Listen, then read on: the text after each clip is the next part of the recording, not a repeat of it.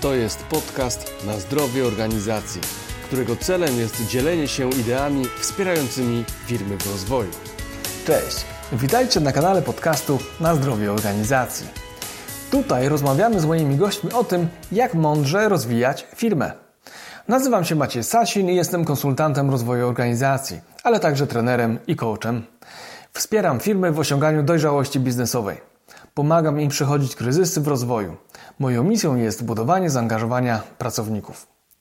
Do podcastu zapraszam trenerów, konsultantów, menedżerów, właścicieli firm, czyli wszystkich tych, którzy mają doświadczenie w przełamywaniu ograniczeń, które towarzyszą rozwojowi każdej organizacji. Zapraszam do słuchania, obserwowania i komentowania. Macie Sasin.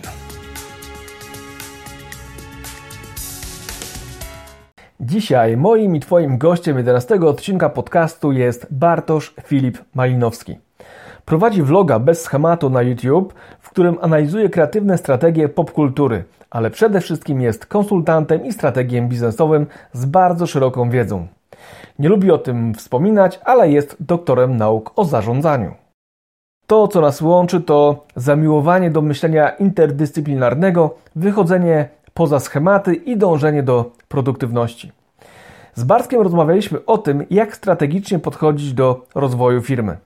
Temat ten nabiera nowego blasku w kontekście sytuacji kryzysowej, w której wszyscy się teraz znaleźliśmy. Bartek nie lubi owijać w bawełnę, więc w tej rozmowie możecie spodziewać się kilku mocnych tez. Zanim jednak zaproszę Ciebie do odsłuchania tej bardzo ciekawej rozmowy, krótkie ogłoszenie. W czwartek, 23 kwietnia 2020 roku, zapraszam na szkolenie online dla menedżerów z zarządzania pracą zdalną. Zapisy możliwe są przez portal evenea.pl. Jeśli temat pracy zdalnej jest dla Ciebie nowością i wyzwaniem, zapraszam, to szkolenie jest dla Ciebie. Ale teraz już nie przedłużam i zachęcam do odsłuchania rozmowy z Bartoszem Filipem Malinowskim. Dobrego odbioru!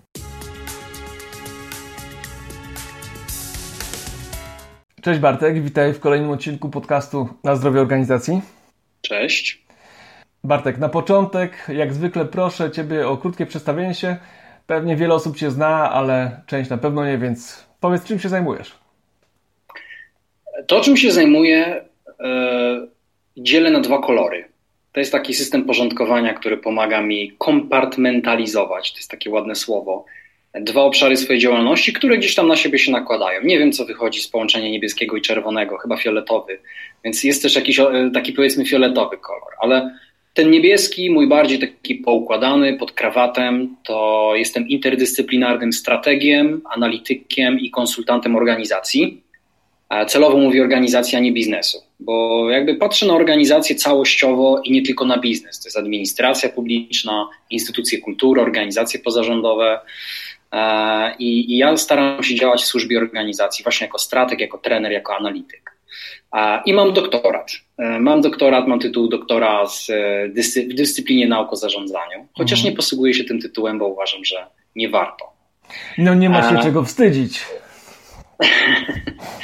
nie ma, ale ja uważam, że jakby to, co mówię, to, co robię, mówi więcej niż tytuł, którym się posługuję.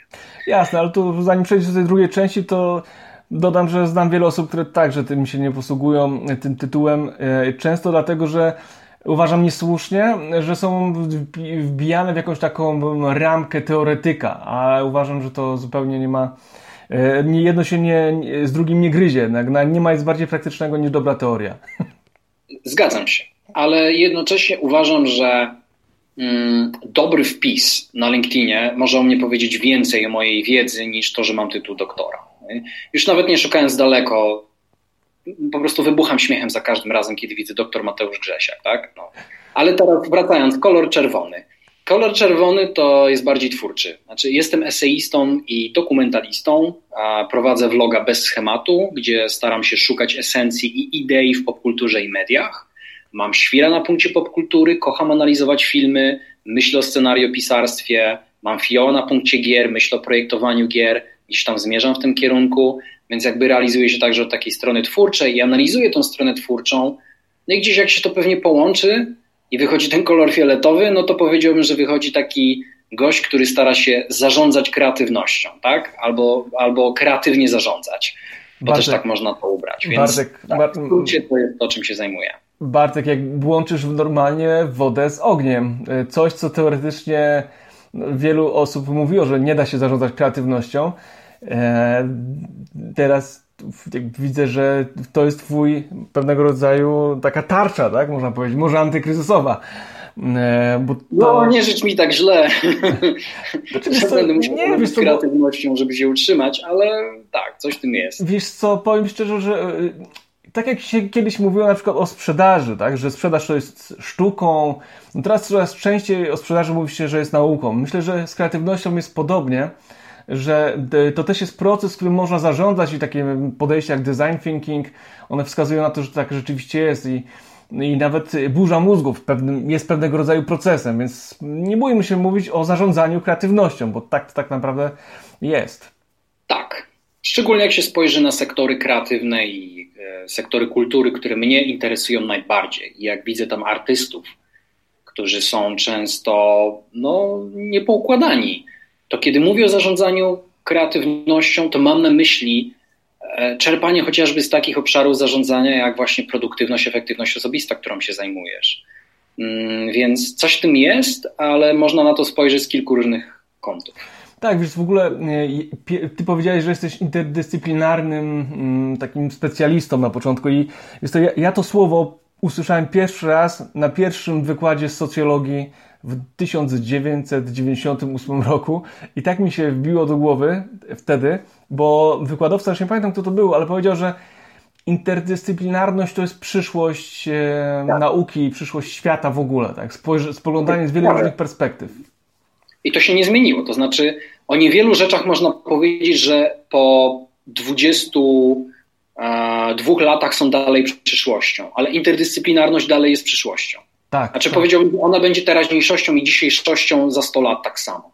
Dlatego dla mnie tak ważne jest, że, żeby, żeby łączyć różne obszary, żeby ja czytam bardzo dużo książek z zakresu psychologii poznawczej, która uważam, że jest no, jedną z kluczowych dyscyplin, e, filozofii, projektowania, szeroko pojętego projektowania. No, mnie najbardziej interesuje projektowanie gier, które także zresztą bardzo dużo czerpie z psychologii, popkultury, ale ta popkultura, nawet popkultura ma jakieś takie podłoże mm, metodyczno-naukowe. No, jest coś takiego jak scenariopisarstwo, jest coś takiego jak schemat scenariuszy, no, oczywiście, sposób no. formatowania scenariuszy i tak dalej. I to jest ciekawe, bo ja na przykład przeszczepiam te rzeczy do swojej pracy konsultingowej. To, to daje mi duży narzędziownik, jakby poszerza mój narzędziownik i poszerza moje metodyki, którymi się posługuję. Dokładnie. E, Bartek, ale e, przejdźmy do tych kwestii związanych z, z, organizacją. Myślę, że do tej kreatywności jeszcze wrócimy, bo chciałbym Ciebie zapytać o definicję zdrowej organizacji, bo e, każdy ma swoją gdzieś indywidualną i tu chodzi właśnie o taką Twoją prywatną, którą Ty masz, którą przykładasz do organizacji, kiedy wchodzisz do niej jako konsultant. Co jest dla Ciebie taką, mhm. wiesz, takim probierzem zdrowia organizacji? Dla mnie zdrowa organizacja to jest taka, która rozumie siebie, rozumie otoczenie, w którym funkcjonuje i potrafi, potrafi zintegrować jedno z drugim. Czyli zintegrować siebie z otoczeniem.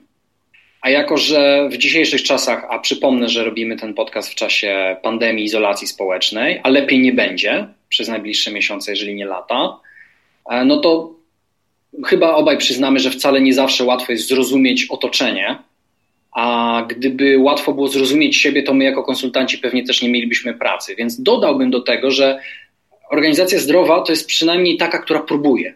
Znaczy, próbuje zrozumieć siebie, próbuje zrozumieć otoczenie i jeszcze lepiej, próbuje zintegrować jedno z drugim. Znaczy, wykonuje jakiś ruch, jakiś, jak, jakieś aktywności w tą stronę, żeby rozumieć siebie, rozumieć otoczenie, integrować jedno z drugim. I teraz trochę konkretniej. Co z tego wynika? To znaczy, że jest organizacją uczącą się. E, mhm. To znaczy, że umie się zmieniać. Jako organizacja i jako kadra, która tworzy tę organizację że robi jakiś okresowy przegląd swojej kultury, swojej struktury, swojej kadry, że inwestuje w rozwój pracowników i kompetencji organizacyjnych, a że jest otwarta na współpracę z interesariuszami.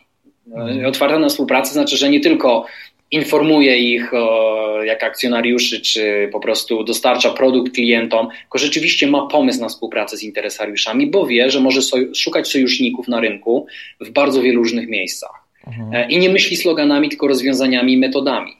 No, dodałbym, nie boi się współpracować z ludźmi takimi jak ja, czy ty, żeby usłyszeć niewygodne rzeczy.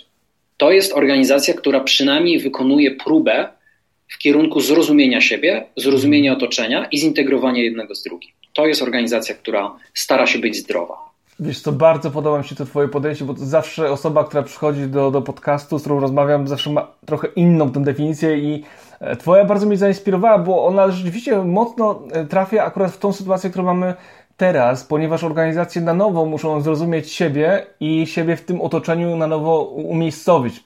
Większość organizacji będzie musiała tak e, zrobić. Ja myślę, że e, gdzieś ten efekt domina, który przejdzie niedługo, czy już się zaczął właściwie, no to on by do, doprowadzi do pewnego spustoszenia tak naprawdę wielu branż i wiele branż będzie musiało się na nowo e, postawić, na nowo e, wymyślić, można powiedzieć.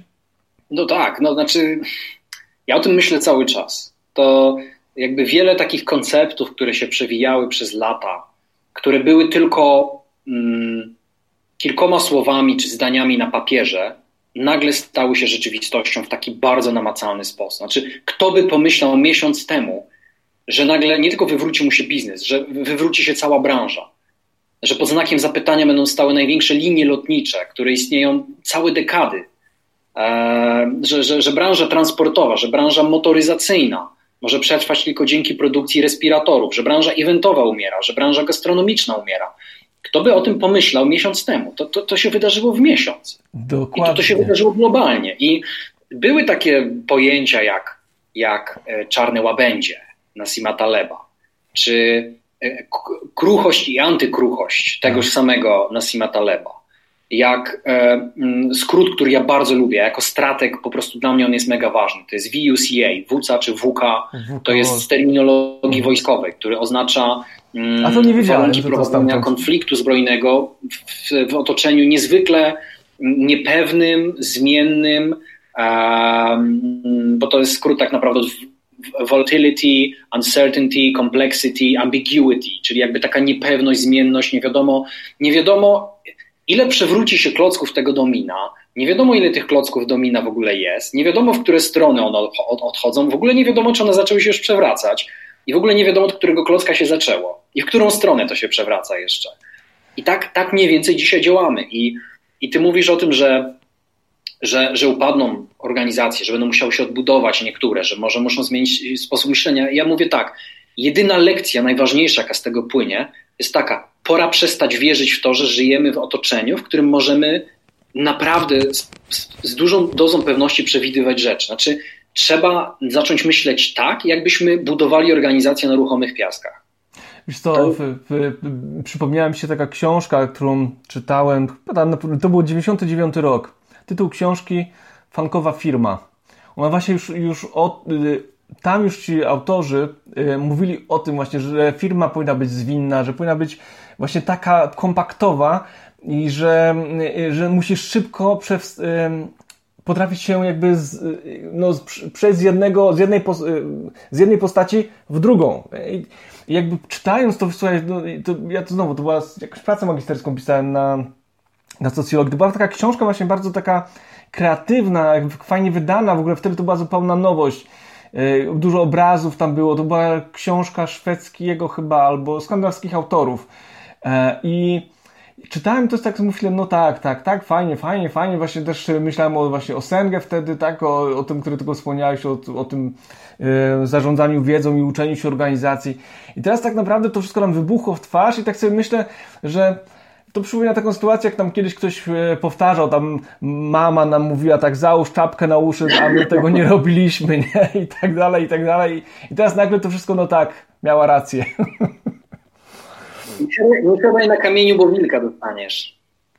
Tak. To teraz wszyscy dostaliśmy wilka. Tak, tak. Więc żyjemy w czasach e, e, ciekawych, ale z drugiej strony rąk nie ma co załamywać i trzeba się prze, no, przetransponować, nie wiem, tak jakby to powiedzieć językiem muzycznym. E, trzeba coś, trzeba coś zmienić, dostosować, dostroić się do, do, do, do, do zmiany. Ale powiedz, przechodząc dalej, no bo już widzimy, że to Twoja definicja zdrowia organizacji rzeczywiście mocno się wpisuje to, co tutaj mamy, z czym się spotykamy. Jakie, jakie najczęściej e, takie symptomy braku zdrowia organizacji spotykasz na swojej drodze? Co jest takim, wiesz, takim powtarzalnym wzorcem, który ty widzisz i, i, i mówisz sobie, ok, trzeba to, trzeba to naprawić, trzeba to zmienić? O panie kochany, to ja powinienem odśpiewać teraz całą litanię jeszcze psalm. A... W ogóle zacznę od rdzenia. Ok, tak, może, może, może lecę tak trochę bez schematu, może od tej definicji zacząłem tak nawet bez schematu, mam nadzieję. To teraz, e, zanim, bo mówi o takich symptomach, ja powiem o, o źródłach, a potem powiem o tych symptomach, czy może właśnie mhm. rezultatach e, takiego, e, no takiej jakiejś, nie wiem, obumierającej tkanki w organizacji, czy po prostu dysfunkcyjnych organów, tak? Więc zacznę, zacznę od samego serca.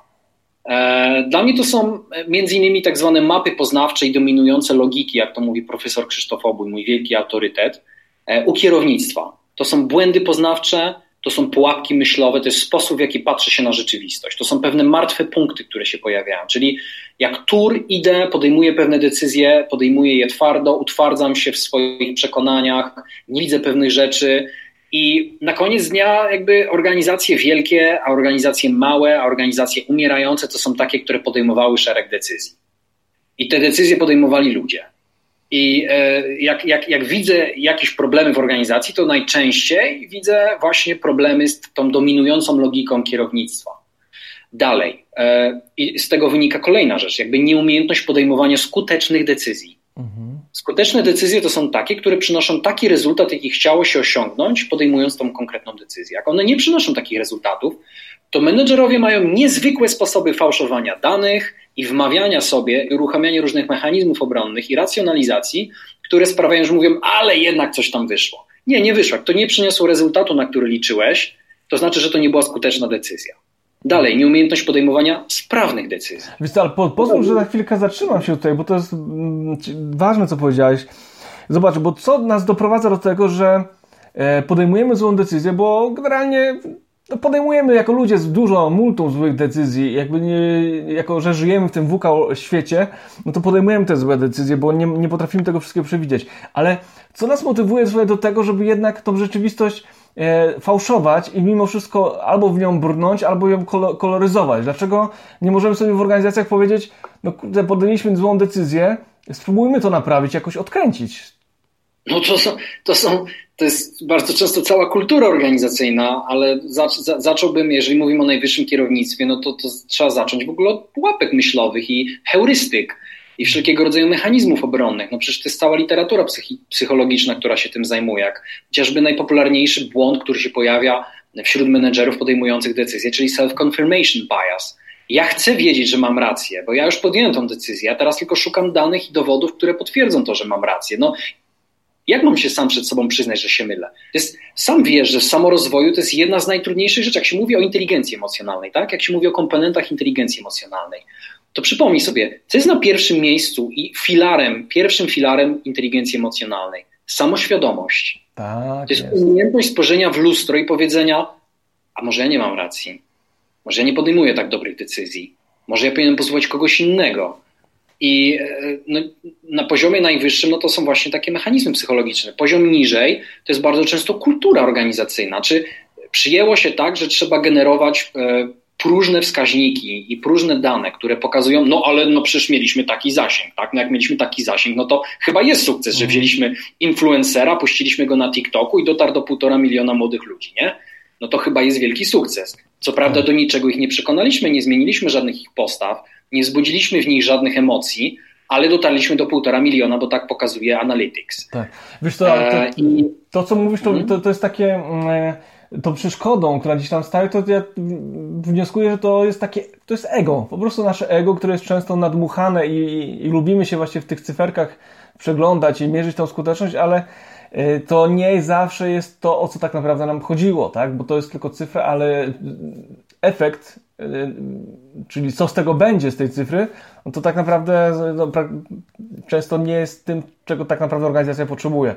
Utarta jest... postawa, znaczy, że ktoś we mnie wkodował postawę w ramach kultury organizacyjnej, że się mnie premiuje za konkretną czynność. Przykładowo, przykładowo to jest no chyba w literaturze psychologicznej się podaje ten fajny przykład. Nie pamiętam, jak się nazywała ta firma, ale to było American Railway chyba. E, była potężna firma w XIX wieku, e, nie pamiętam do końca, który stan zażyczył sobie, żeby zbudować koleje. I, I zwrócili się właśnie do American Railway i płacili im, to jest bardzo ciekawe, zobacz, system motywacyjny to ukształtuje. Mhm. Zaproponowali im system rozliczenia, w którym płacą im za każdy kilometr E, zbudowanych torów. I co się okazało? Że architekci tych torów kolejowych znaleźli świetne, kreatywne sposoby, żeby te drogi były bardzo pokręcone, żeby było jak najwięcej kilometrów. Czyli jakby jedna decyzja, jeden sposób, system motywacyjny y, y, zdeterminował całe zachowanie. I takich mechanizmów w organizacjach jest cała masa. To jest część kultur organizacyjnych i pewnych procedur, które sprawiają, że ludzie celowo albo podświadomie podejmują błędne decyzje, albo nie chcą konfrontować się ze złymi decyzjami. Po prostu robią tak, jak y, oczekuje się od nich, żeby postępowali. Tak, Czyli a... chociażby o tym rozmawialiśmy jeszcze y, jakiś czas temu. To, to jest chociażby to, że ludzie siedzą i odbębniają tak zwane dupogodziny. Tak, Czyli tak. siedzą, co prawda 8 godzin zostało odhaczone, ale efektywnie przepracowali 3. Ale tak. do notatnika idzie, że 8. Tak, wiesz co, bo ludzie mają drukowane, że płaci się za godzinę, a nie za efekt, za, za, za, za pracę w trakcie tych 8 godzin, no to jest jakiś tam ten. Natomiast rzeczywiście e, jest, słuchaj, to w tym, co powiedziałeś w wskaźnikach, no to jest, ja kiedyś mówię, książkę chyba na ten temat napiszę, ale e, rzeczywiście kiedyś długi, długi taki wpis na blogu napisałem na temat właśnie tych wskaźników i ich oszukiwania w organizacjach i jak wchodzę do organizacji, to, to system motywacyjny jest takim probierzem E, I naprawdę y, często małe zmiany mogą spowodować naprawdę duży efekt w tak. bilansie firmy. Naprawdę, naprawdę, naprawdę, naprawdę. Takie jest po prostu rozsądne, bardzo często rozsądne zmiany, bo płacenie ludziom, e, tak jak, tak jak tu wskazałeś akurat ten kilometry torów, tak? Ale ja się spotkałem w organizacjach, w których no, ludzie e, robili coś na akord, bo był jakiś tam akord, ale nie patrzyli zupełnie na jakość i po prostu te, te produkty, które E, których, które oni wytwarzali, walały się dosłownie e, po całej fabryce, po całej jakby posadce w tej fabryce. One były wszędzie, w kartonach pochowane, które były po prostu źle wykończone, ale nikt, one były też do, można było odzyskać je, ale nikt tego nie robił, bo się to nie opłacało i ludzie robili nadgodziny, ludzie robili e, dużo, dużo jakby pracy wykonywali, e, bo mieli płacone za godzinę a nikt, i nikt, a była jakaś tam rozsądna osoba z jakości, nikt jej, chciał, jej nie chciał słuchać. A dyrekcja też średnio przychodziła też na tą, na tą produkcję i jakby nie chciała się nad problemem pochylić. Więc takich przykładów jest sporo. No właśnie. Jecha, jechać dalej z tymi swoimi symptomami pewnie. braku zdrowia? Pewnie, pewnie, leć, leć. No to na pewno na kolejnym miejscu postawiłbym nieumiejętność podejmowania sprawnych decyzji. Znaczy, przed chwilą mówiliśmy o skutecznych, ja bym jeszcze powiedział o sprawnych, bo w takich czasach jak te, które teraz mamy, e, większy koszt negatywny można ponieść przez e, niepodjęcie decyzji niż podjęcie złej decyzji. Dlatego sprawność w podejmowaniu decyzji, szczególnie w takim momencie jak teraz i szczególnie jak mówimy o pewnych rzeczach operacyjnych, jest niezwykle ważna. E, dalej, nieumiejętność komunikacji to powszechny problem. W tym, jeżeli mówimy o kadrze menedżerskiej czy liderach w szczególności, to umiejętność słuchania, która jest elementem komunikacji. Komunikacja nie jest tylko e, e, poruszanie paszczą i wydawanie z siebie dźwięków, ale także aktywne słuchanie i umiejętność jeszcze przetworzenia tego i odniesienia się do tego w jakiś sposób. Na pewno unikanie danych w procesie podejmowania decyzji, czyli podejmowanie decyzji na czuja, brak strategii, no jestem strategiem, więc brak strategii, nieumiejętność myślenia strategicznego, to jest powszechne. Jakby po prostu rzeczy operacyjne zawsze wygrają z rzeczami strategicznymi, tak samo jak rzeczy pilne w naturalny sposób zawsze wygrają z rzeczami ważnymi. To jest takie prawo ciążenia. No to po prostu tak jest. Jak, jak się nie zrobi dla tego miejsca, jak się nie wymusi tego jakąś procedurą, czy jakimś sztywnym ustaleniem, dwie godziny pochylmy się nad kwestiami strategicznymi, spójrzmy z perspektywy makro.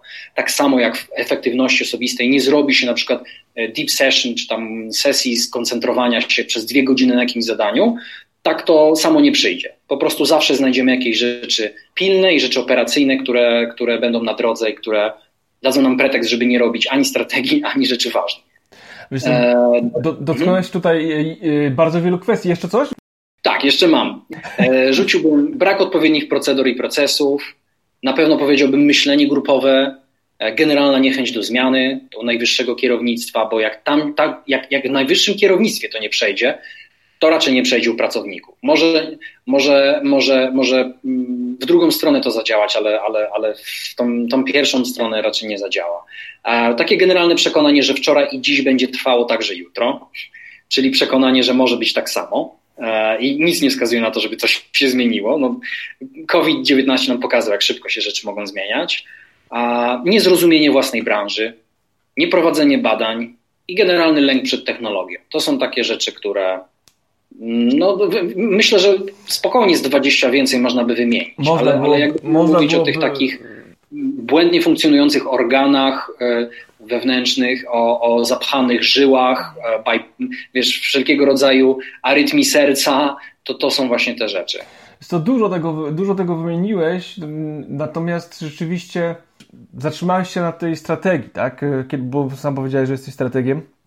I chciałbym tutaj chwilę e, porozmawiać na ten temat, dlatego że e, chyba wiele firm tak naprawdę tej strategii nie ma albo mają bardzo krótkoterminową.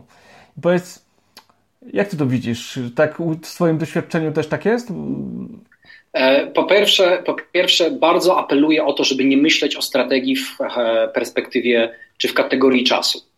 Bo ty powiedziałeś, że mają krótkoterminową. Daj Boże, niech mają krótkoterminową. Widzisz, jeden z największych mitów, o których ja mówię na swoim szkoleniu o myśleniu strategicznym w czasie kryzysu, to jest to, żeby nie myśleć o strategii wyłącznie w kategorii e, jak daleko, tylko także jak głęboko. Mhm. Bo strategia to jest w rzeczywistości umiejętność całościowego spojrzenia na organizację i na jej wszystkie funkcje. To są rzeczy najbardziej podstawowe w organizacji. To jest umiejętność zrozumienia tego, jakimi zasobami kluczowymi i kompetencjami kluczowymi dysponujemy. Jak wygląda łańcuch wartości, łańcuch tworzenia wartości w naszej organizacji. Z, yy, yy, jaka jest struktura organizacyjna, jaka jest kultura organizacyjna. To jest część strategii, naprawdę. To jest, to jest część strategii. Jak, jak przebuduję strukturę organizacyjną, to najczęściej po to, żeby właśnie realizować jakieś cele strategiczne. I yy, spojrzenie w głąb i siebie, stąd mówimy o tym poznaniu siebie, i otoczenia także, zrozumienie tego otoczenia, to są elementy strategii. Więc ja jestem tą, tą osobą, która lubi mówić, że ja nie postrzegam strategii jak symfonia rozpisana na 30 instrumentów, perfekcyjnie zagrana nuta do nuty. E, I wiesz, z, z dyrygentem, który świetnie poprowadzi tę orkiestrę, tylko to jest improwizacja jazzowa. To nie zmienia faktu, że trzeba znać nuty, trzeba znać skalę, trzeba rozumieć podziały rytmiczne, trzeba znać swój instrument i kolegów, z którymi się gra, czyli mieć podstawy teoretyczne, zrozumienie narzędzi, metod strategicznych, technik, ale, ale ty możesz improwizować. Ja optuję za tym, żeby patrzeć na strategię jak na zbiór reguł determinujących Twoje postępowanie w różnych sytuacjach i okolicznościach, także tych nieprzewidzianych. Cieszy mnie to porównanie do, do, do, do jazzu, bo rzeczywiście Kiedyś tak można było rzeczywiście tą strategię rozpisywać niemalże jak partyturę, kiedy czasy były inne, kiedy były bardziej przewidywalne, bo rzeczywiście kiedyś tak było. W latach może 70., chociaż 80., chociaż to te zmiany wszystkie też tam miały miejsce i to nie można też tak powiedzieć, że tam się nic nie działo. Natomiast teraz żyjemy rzeczywiście w tym świecie, który jest bardzo zmienny, a muzyka jazzowa właśnie świetnie to oddaje, tak, że, że po pierwsze muzycy muszą siebie bardzo dobrze czuć, słuchać, wzajemnie i żeby dobrze brzmieć, żeby ta muzyka miała sens, mimo całego chaosu, w którym tak naprawdę funkcjonuje, bo jak jestem akurat fanem jazzu, to, to, to po prostu to, tą analogię fajnie odnajduję.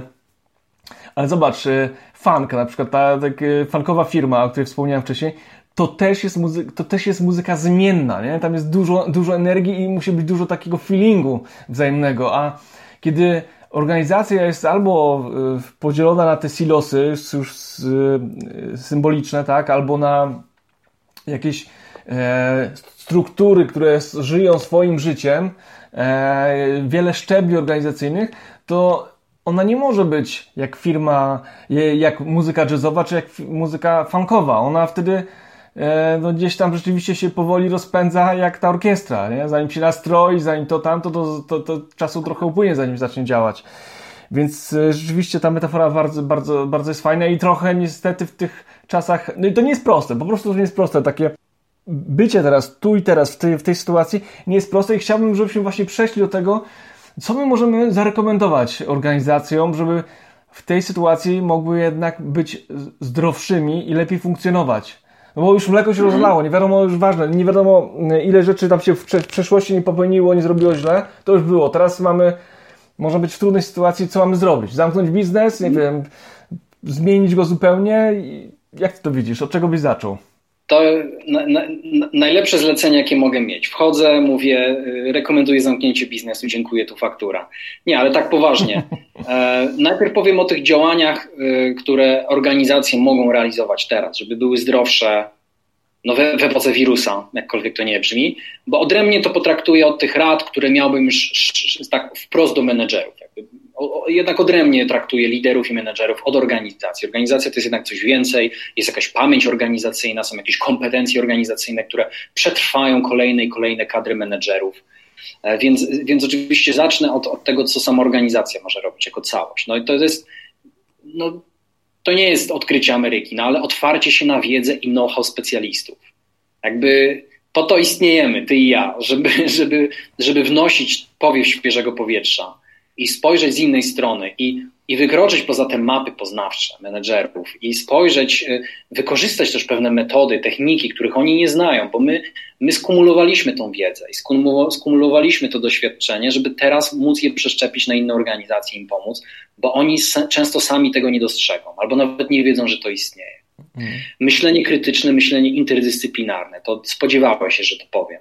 Ja naprawdę głęboko wierzę w to, że organizacje, które działają niekonwencjonalnie, ale w granicach zdrowego rozsądku. jest mega ważne. Jestem wielkim przeciwnikiem takiego myślenia, o, porażka nic nie kosztuje, porażka cię uczy. Wyobraźmy mhm. sobie, że Unilever by był w stanie tak mówić, albo, albo IBM mówi, o, ponieśmy sobie porażkę.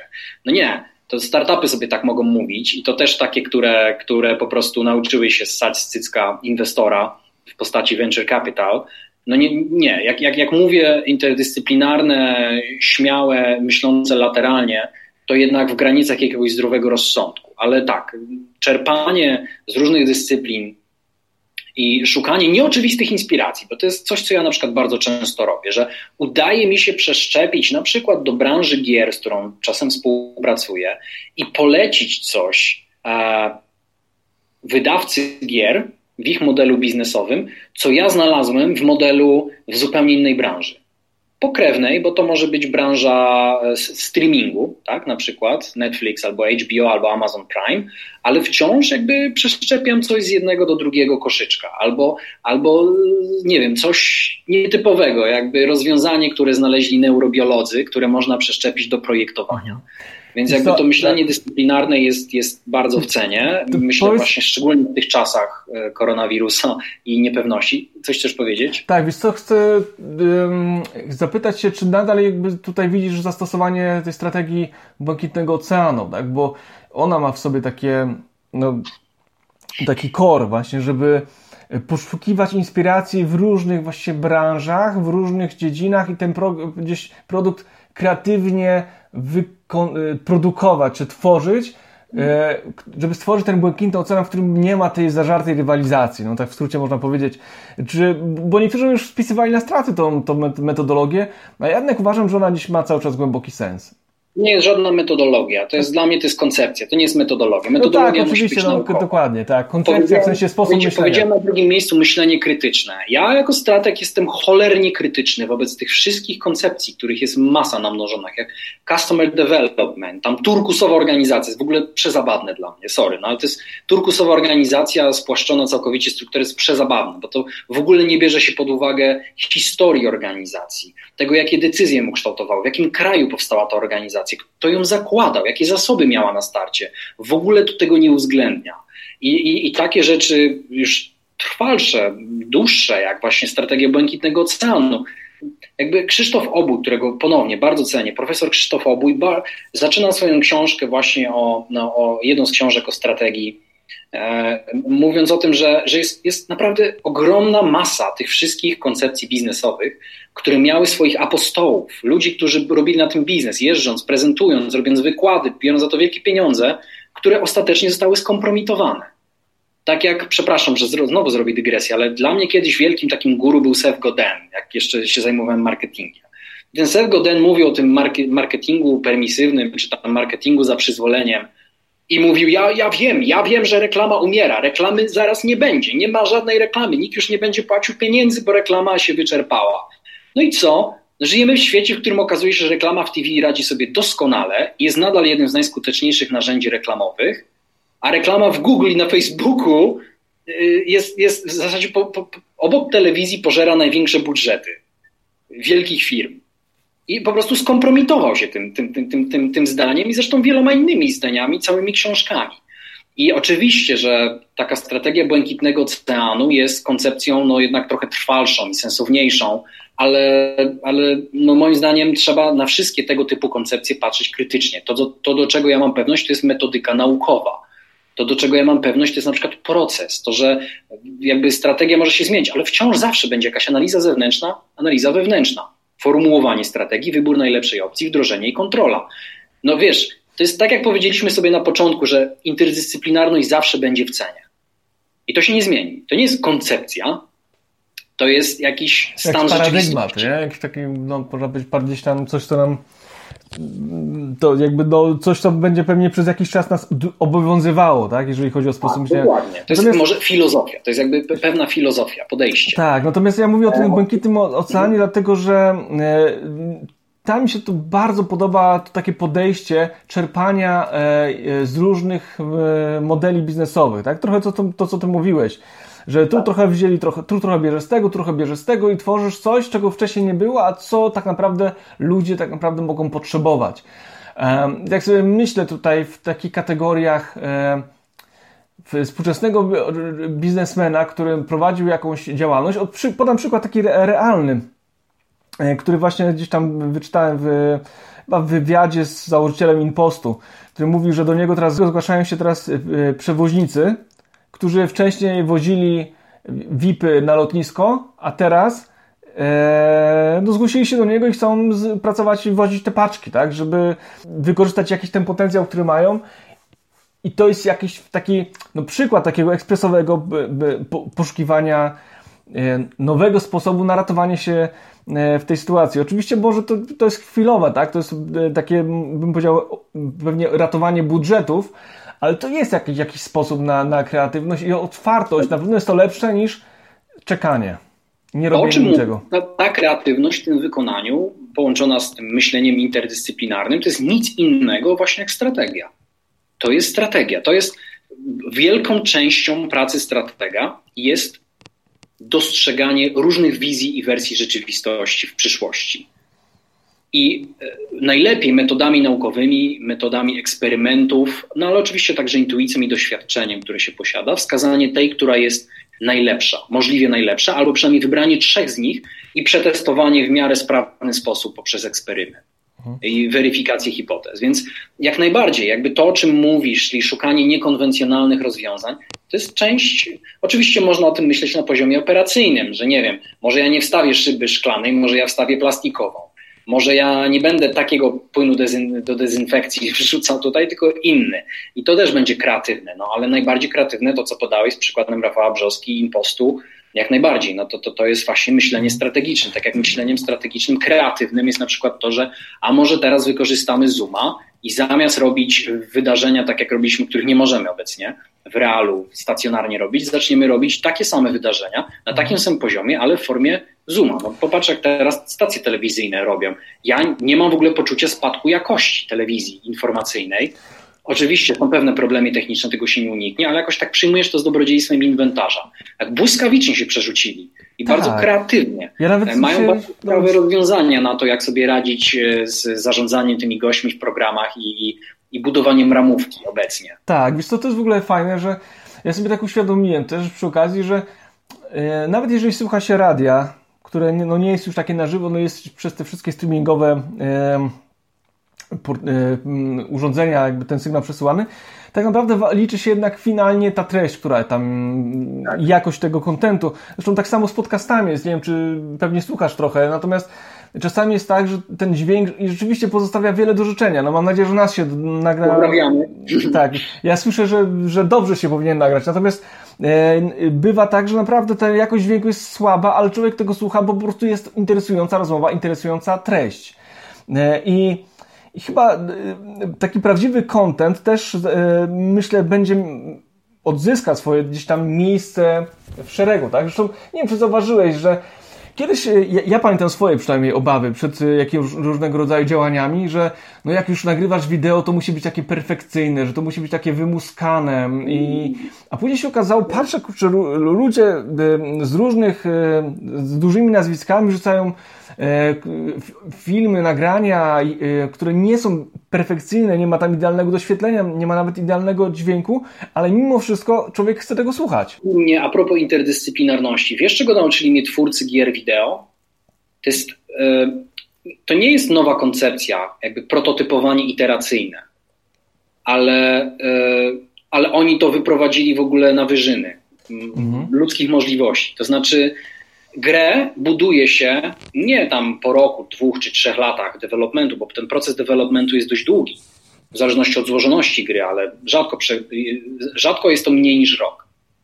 E, grę się buduje po miesiącu.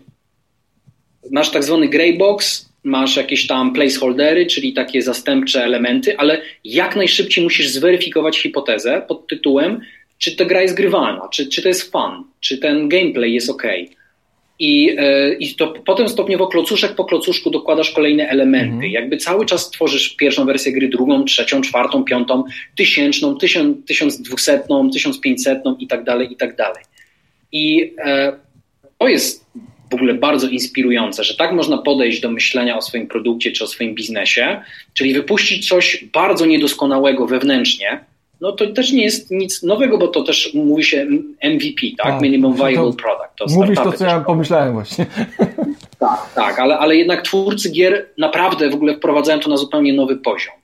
I ja też żałuję, że jak ja zaczynałem vlogowanie, to tak a propos uczenia się między tymi dwoma kolorami, niebieski i czerwony, to ja też żałuję, że ja sobie kupiłem za namową mojego serdecznego przyjaciela, którego pozdrawiam i współpracownika, e, który jest operatorem, więc jest trochę skrzywiony. Kupiłem sobie sprzętu chyba za 8 tysięcy złotych łącznie, e, kamerę, światła i tak dalej. A okazało się, że ja mogłem wystartować z jednym sensownym źródłem światła, całkiem z jakimś tam sensownym mikrofonem za 400 złotych i iPhone'em.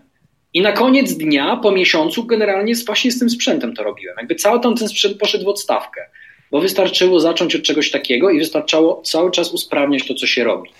Tak, wiesz, to, to mnie zainspirowało do tego, co do, do takiej myśli, którą kiedyś mm, chyba w książce o Kaizen przeczytałem, że bardziej liczy się spryt niż wydawanie pieniędzy. Tak. Pomysł, tak. nie, niż, niż właśnie wielkie, wielkie budżety. I to, co wspomniałeś o startupach, o grach komputerowych, o tym, e, o tym MVP, czy o design thinking, o jakimś takim właśnie, no, takim prototypowaniu to są wszystko, wszystko to, co, co de facto też jest gdzieś tam taką metodą naukową, którą y, gdzieś, no, tak, czy testo, testy A i B na przykład, to wszystko gdzieś tam z, y, chyba to Google tak rozpowszechnił, nie? Testy A i B tak w świecie takim. Tak, ale wiesz, to jest właśnie najzabawniejsze, co też mnie interesuje jako takiego antropologa organizacyjnego, że branża gier, która jest tak naprawdę pochodną branży IT i częściowo jakby sektora artystycznego, sama do tego doszła. Jakby oni sami do tego doszli. Oni nie czytali książek biznesowych. Ludzie w software'ze nie. Oni sobie stworzyli tam Scrum, Agile, różne metodyki szybkiej weryfikacji. Mówili, nie, my nie chcemy tych książek dla menedżerów. My nie chcemy uczyć się zarządzać. Oczywiście to bardzo pokutuje też. Ale doszli, dlatego ja na przykład, jak, jak ja się uczę metodyki, której uczą mnie producenci gier wideo, a propos znowu interdyscyplinarności, to ja się czuję, wiesz, jak Bronisław Malinowski, który pojechał oglądać życie seksualne dziki. I mówi, Jezu, jak oni, w ogóle, co to za pozycja? Jak oni to mogą robić, tak? Muszę się tego nauczyć. To mniej więcej jest coś takiego. E, I to jest naprawdę fascynujące, żeby właśnie czerpać z innych dyscyplin, czy nawet pokrewnych jakichś tam branż, ale które przez swoją historię, sposób w jaki się kształtowały, technologie, bo przecież IT no to są produkty cyfrowe, które mają dzisiaj łatwiej i zyskują raczej na kryzysie, do, doszły do zupełnie, albo do tych samych wniosków może, ale w inny sposób. I warto przeanalizować ten sposób. Tak. Ale tak. a propos, Mhm. Właśnie a propos jeszcze tylko tego prototypowania i tak dalej, właśnie te dwa punkty, które miałem na koniec tej listy, to jest stosowanie badań i eksperymentów, co jest jedną z rzeczy, które pomagają budować zdrowe organizacje i uczenie się metodyki działania startupów, czyli uczenie się od mniejszych, jak oni to robią, że są sprawni i zwinni. Nie licząc jeszcze tego, co chciałem wspomnieć, czyli ciągły rozwój pracowników i mądra polityka kadrowa, doskonałe, doskonalenie też mechanizmów motywacji i angażowania pracowników. No to, to, to, to właściwie można powiedzieć, że zawsze to jest, niezależnie czy jest kryzys, czy nie. Natomiast te metody właśnie t, t, takiego od, odkrywania, e, poszuki, takiej pobudzania tak naprawdę kreatywności w organizacji, bo właśnie ja myślę, że jesteśmy u źródłach, u źródła takiego myślenia, że musimy e, zacząć z tym, co mamy, coś zupełnie nowego. I pamiętam kiedyś taki warsztat facylitacyjny, który kiedyś e, zorganizowaliśmy. Było bardzo fajne, e, bardzo fajne doświadczenie. To było dawno już, ale e, dlaczego je pamiętam? Dlatego, że na tym warsztacie zostało wymyślone coś, co później zostało wdrożone w praktykę, czego doświadczyła moja żona. To, było, to, było, to chodziło o, o tak zwane tsunami demograficzne i zmianę uczelni, e, czy, czy do, przystosowanie się uczelni do tego, do tego kry, kryzysu, który w, no, w uczelniach już dawno gdzieś tam zawitał. E, I to było piękne, że e, w takiej dużej grupie, na czym polegała ta, to, to, to, działanie? Polegało ono na tym, że z całej organizacji zebraliśmy na sali 80 osób i tam był i profesor, i doktor, i ktoś z dziekanatu i anglista. I w całej tej grupie zebraliśmy różnego rodzaju informacje o tym, co się w organizacji dzieje, o, z różnych jej jakby odcieni. I z, z, na koniec, e, to trwało dwa dni, na koniec tych, tego drugiego dnia żeśmy wypracowali jakieś konkretne pomysły działania, które można byłoby wdrożyć, znaczy oni to wypracowali, i następnie one zostały przepracowane i wdrożone w praktykę. Wiele z nich, oczywiście nie wszystkie. Natomiast zmierzam do tego, że bardzo często nie wykorzystujemy potencjału, który mamy w organizacji. Znaczy nie mamy, ludzie, którzy, którzy tam są, oni bardzo często mają fajne pomysły, tylko trzeba ich e, zebrać, w, stworzyć z nich zespół i właśnie przez ten proces kreatywny prze, no, przeciągnąć ich, tak? Trzeba zarządzić tym procesem.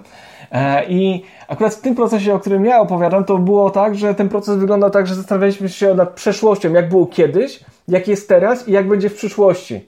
I przez te dwa dni żeśmy szli, dodając jakieś dane różnego rodzaju e, e, badań naukowych i było niesamowite, jak ludzie się gdzieś tam otwierali i jakie mieli wglądy jakby w tą, w tą sytuację, jak można było się zainspirować tym, co było kiedyś i zainspirować się też z perspektywy różnych miejsc w organizacji, tak? No bo Zdarzało się na przykład jakiś profesor powiedział, no ale tutaj już takim, wie pan, tutaj nie za bardzo się, że tak powiem, w swoją rolę profesorską gdzieś tam e, bił, ale większość bardzo fajnie weszła w ten proces. I wyszły z tego niesamowite rzeczy. E, no i pytanie właśnie, czy nasze organizacje są gotowe na to, żeby sięgnąć, pożyć w dół, tak? I zobaczyć, na czym my siedzimy, jaki, jaki mamy potencjał, jak możemy go wykorzystać. Znaczy, wiesz co, no, no, no, pociągnąłeś za bardzo emocjonalną strunę w moim przypadku, ponieważ zanim zajmowałem się tym, czym się teraz zajmuję, to ośmieliłbym się powiedzieć, że byłem ekspertem e, w tematyce crowdsourcingu, co-creation i open innovation. Otwartej innowacji, współtworzenia crowdsourcingu. Tutaj nie znalazło się jeszcze polskiego zamiennika. I projektowałem, podobnie jak ty, systemy angażowania pracowników przez crowdsourcing i uwalniania inteligencji zbiorowej i mądrości tłumu, w którą bardzo głęboko wierzę.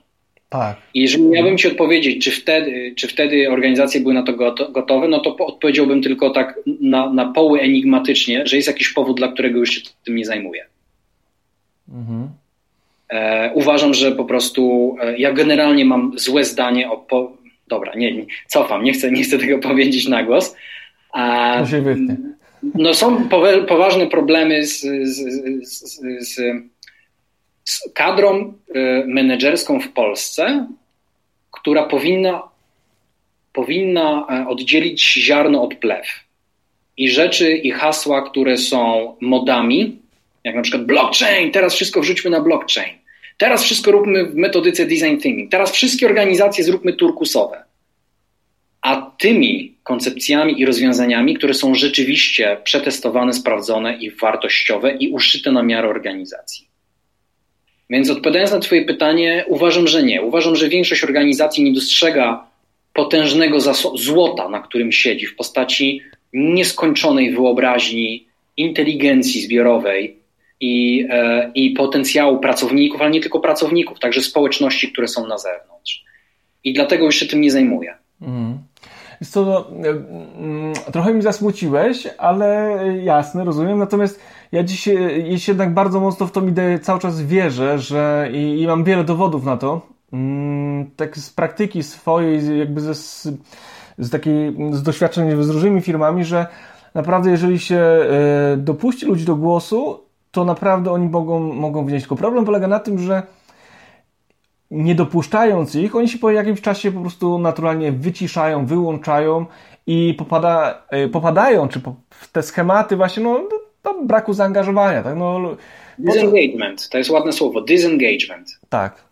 Z, zdezangażowanie po co się odzywać, nie? No w sumie to nie ma sensu, nie? E, bo nikt tego nie, bo może nie słuchać, natomiast mówię, to jest rzeczywiście część takich organizacji, które tak funkcjonuje, część takich, które, które rzeczywiście gdzieś tam ten, mm, e, to zaangażowanie pracowników naturalnie wykorzystuje. No ja mogę powiedzieć o swoich doświadczeniach, że e, ja jestem, dużo, dużo pracuję z millennialsami, pracowałem i, i, i mam bardzo dobre mm, zdanie jakby o, o nich, jako osoba, które bardzo mają taką ochotę na to, żeby usprawniać, żeby zmieniać. Trochę takimi są rewolucjonistami. Ostatnio myślałem sobie o tym, słuchaj, jak ja miałem e, tam te 30 lat, czy te 20 parę, jak ja przyszedłem do organizacji, no której zacząłem gdzieś tam swoją karierę, no to ja właśnie chciałem wszystko zmieniać. I najciekawsze było to, że oni mnie tam słuchali. I, i, i rzeczywiście zaczęli to robić, to co ja sobie podpowiadałem. I po prostu pamiętam, że mnie to uskrzydlało, że ja spędzałem w tej organizacji 10-12 godzin i po prostu chciałem, bo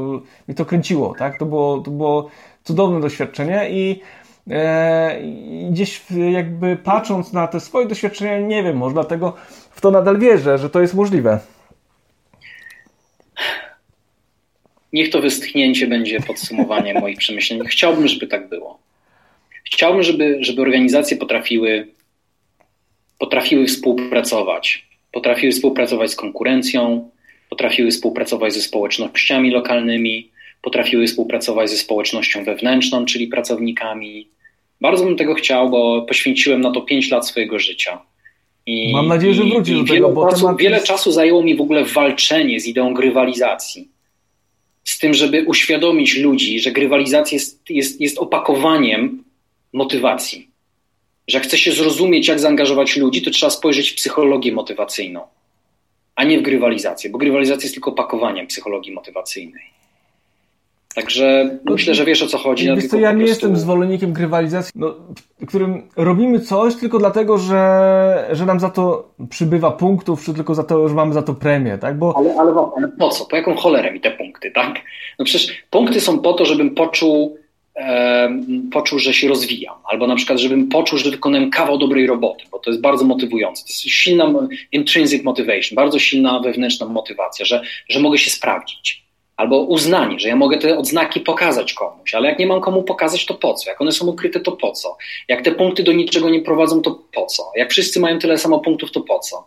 Mało firm zadaje takie pytanie. No to naprawdę warto poczytać parę książek o, o, o motywacji i o tym, co naj, naj, najbardziej motywuje ludzi. Ty, ty się na tym znasz, ty się tym zajmujesz, ale okazuje się, że na przykład wiele badań wskazuje, że ludzie uwielbiają rozwój, uwielbiają uznanie i uwielbiają też autonomię jak no. pozostawi im się trochę elastyczności, autonomii, jak im się nie patrzy przez ramię, jak im się powie, możesz to zrobić, ale nie musisz.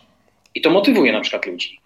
Że tak. mogą to zrobić, że mogą się zaangażować w jakąś inicjatywę. Tak, tak, tak jest. Ja mam też jakby jestem przekonany, że to, to są badania chyba Ryan Deci, nie? Chyba z, to Drive, ta książka Pinka Drive została napisana na, na podstawie tych badań.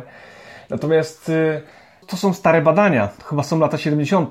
nie wiem, ja cytuję jakieś badania jednak robione nie w, w ramach psychologii organizacyjnej, tylko szerzej po prostu pojętej psychologii motywacji, motywacji psychologii poznawczej. Także nie wiem, ja, ja nigdy nie śledzę tak naprawdę wiedzy z zakresu obszaru HR-u i za, zarządzania e, pracownikami, bardziej zarządzania wiedzą i strategii. I ja, ja to rozumiem. Jakby Czy globalizacja ma sprawić, że nagle fan będzie coś, co nigdy nie zostało pomyślane jako fan. Mhm. I możesz ubrać to w kokardkę, możesz to spryskać pięknymi perfumami Hugo Bossa, ale to wciąż będzie nieciekawe. Tak, dla mnie to jest pewnego rodzaju substytut, który, mm, który nie wiem, czy ma zastępować yy, menedżerów, ale yy, generalnie uważam, że organizacja czy kultura organizacyjna, ona być tak zaprojektowana, żeby ludzie rzeczywiście wychodzili z inicjatywą nie dlatego, że zdobędą e, punkty, czy pomogą koledze, czy, czy mm, żeby, żeby zdobyć te punkty, żeby na koniec sobie miesiąca iść do kina, tylko żeby to robić dla, żeby to było wartością samą w sobie, to zachowanie, tak? Bo to jest dla mnie prawdziwa motywacja. Ta, taka motywacja wynikająca e, z uczciwości wewnętrznej, z, e, z te, po prostu zaangażowanym, no chyba to jest najlepsze słowo, tak? Żeby to nie było coś sztucznego, coś e, właśnie o, tak wyperfumowanego, tylko żeby to było prawdziwe, po prostu prawdziwe. O, to jest chyba najlepsze słowo. E, słuchaj, coś jeszcze byś e, dorzucił do tego, e, co można było w tej trudnej sytuacji zrobić? Jakimi metodami popracować? Dokończę to, co, to, co mówiłem albo może podsumuję to trochę, że, że mówiłem o tym otwarciu się na wiedzę i know-how specjalistów, o myśleniu krytycznym, interdyscyplinarnym, oczywiście myśleniu strategicznym, to tylko to oznacza nie tylko w dal, ale także w głąb organizacji. E, wierzę głęboko w silnie rozwinięty business intelligence, czyli pozyskiwanie, generowanie danych po to, żeby mieć paliwo do podejmowania decyzji. Wierzę głęboko w ciągły rozwój pracowników i mądrą politykę kadrową, e, w dobrym mechanizmy motywacji, angażowania pracowników we współpracy z interesariuszami, to też już gdzieś się wcześniej przewijało, w stosowanie badań i eksperymentów, z których ja korzystam jako strateg, no i, i uczenie się metodyki działania startupów, czyli mniejszych. No to powiedziałbym, że to gdzieś tam się łączy z tym myśleniem interdyscyplinarnym.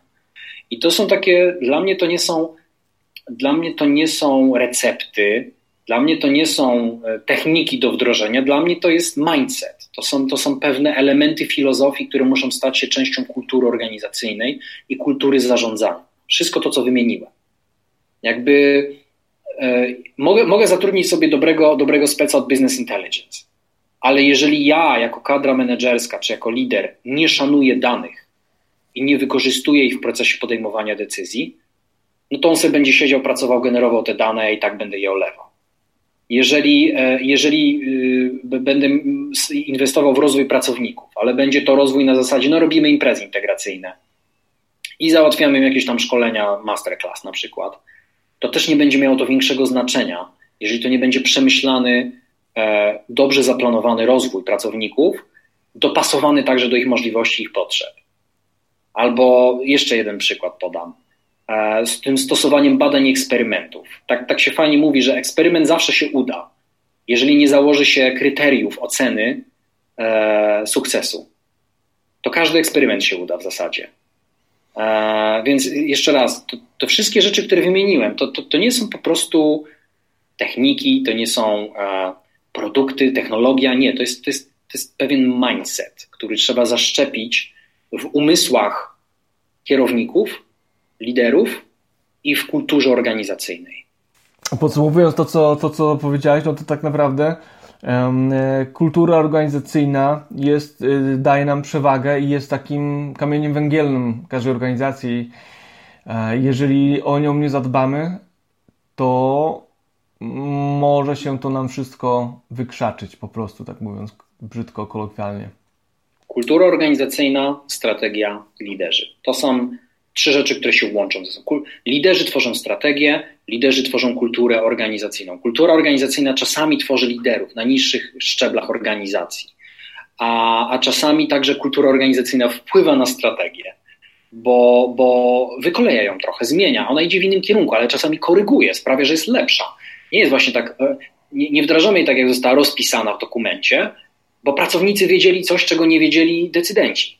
Oni wiedzą, jak wygląda ich praca na co dzień i musieli coś skorygować, coś zmienić, wyłamać się z tej strategii. Także kultura organizacyjna, liderzy i strategia. Mhm.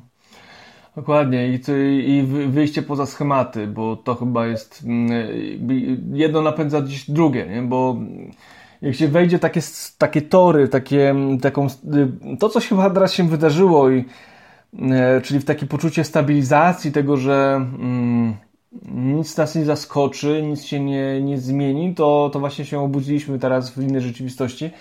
E, ja mam takie swoje gdzieś wewnętrzne przekonanie, że jeżeli jest za dobrze, to znaczy, że trzeba szukać, węszyć. Trochę jak w tej, w tej takiej, nie wiem, czy czytałeś tą książkę, taką historyjkę właściwie, Kto zabrał mój ser, taką motywacyjną. Tak.